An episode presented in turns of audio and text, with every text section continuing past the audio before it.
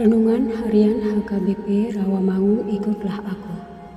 Jumat 11 Agustus 2023 Dengan judul Siapa menabur akan menuai?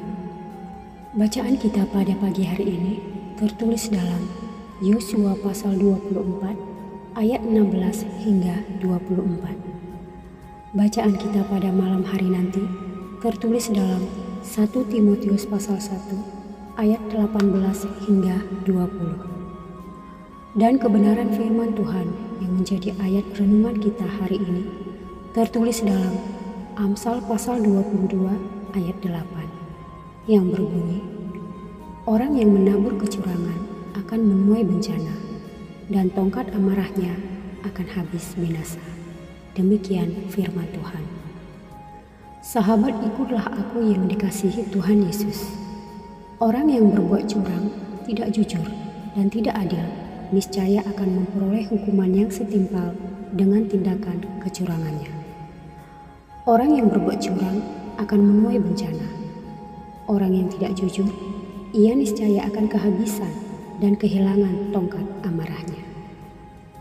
Sementara itu, kekuasaan yang dimiliki oleh orang fasik itu akan pudar, hilang, atau bahkan lenyap sama sekali tongkat kekuasaannya pun akan hilang musnah atau binasa.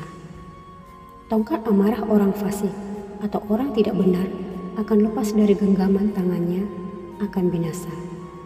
Hal itu karena Tuhan tidak berkenan terhadap orang-orang fasik yang tidak lurus jalan hidupnya.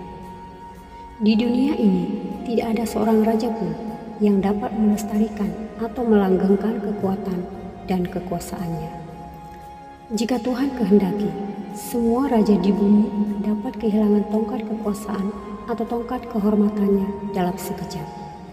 Berbahagialah kita yang tidak menabur kecurangan dan menjauhkan diri dari sifat buruk orang fasik.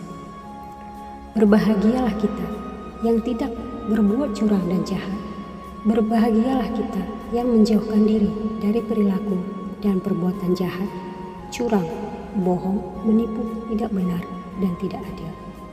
Berbahagialah kita yang senantiasa menabur benih kebajikan dengan penuh hikmat, akal budi, dan pengetahuan yang dikenan oleh Tuhan. Pada waktunya, Tuhan pasti menyediakan musim tuai, yaitu musim panen dari buah-buah iman, keadilan, dan kebenaran. Tuhan niscaya memberkati kita dan semua orang yang percaya dan lurus hati dan jalan perbuatannya. Amin. Marilah kita berdoa.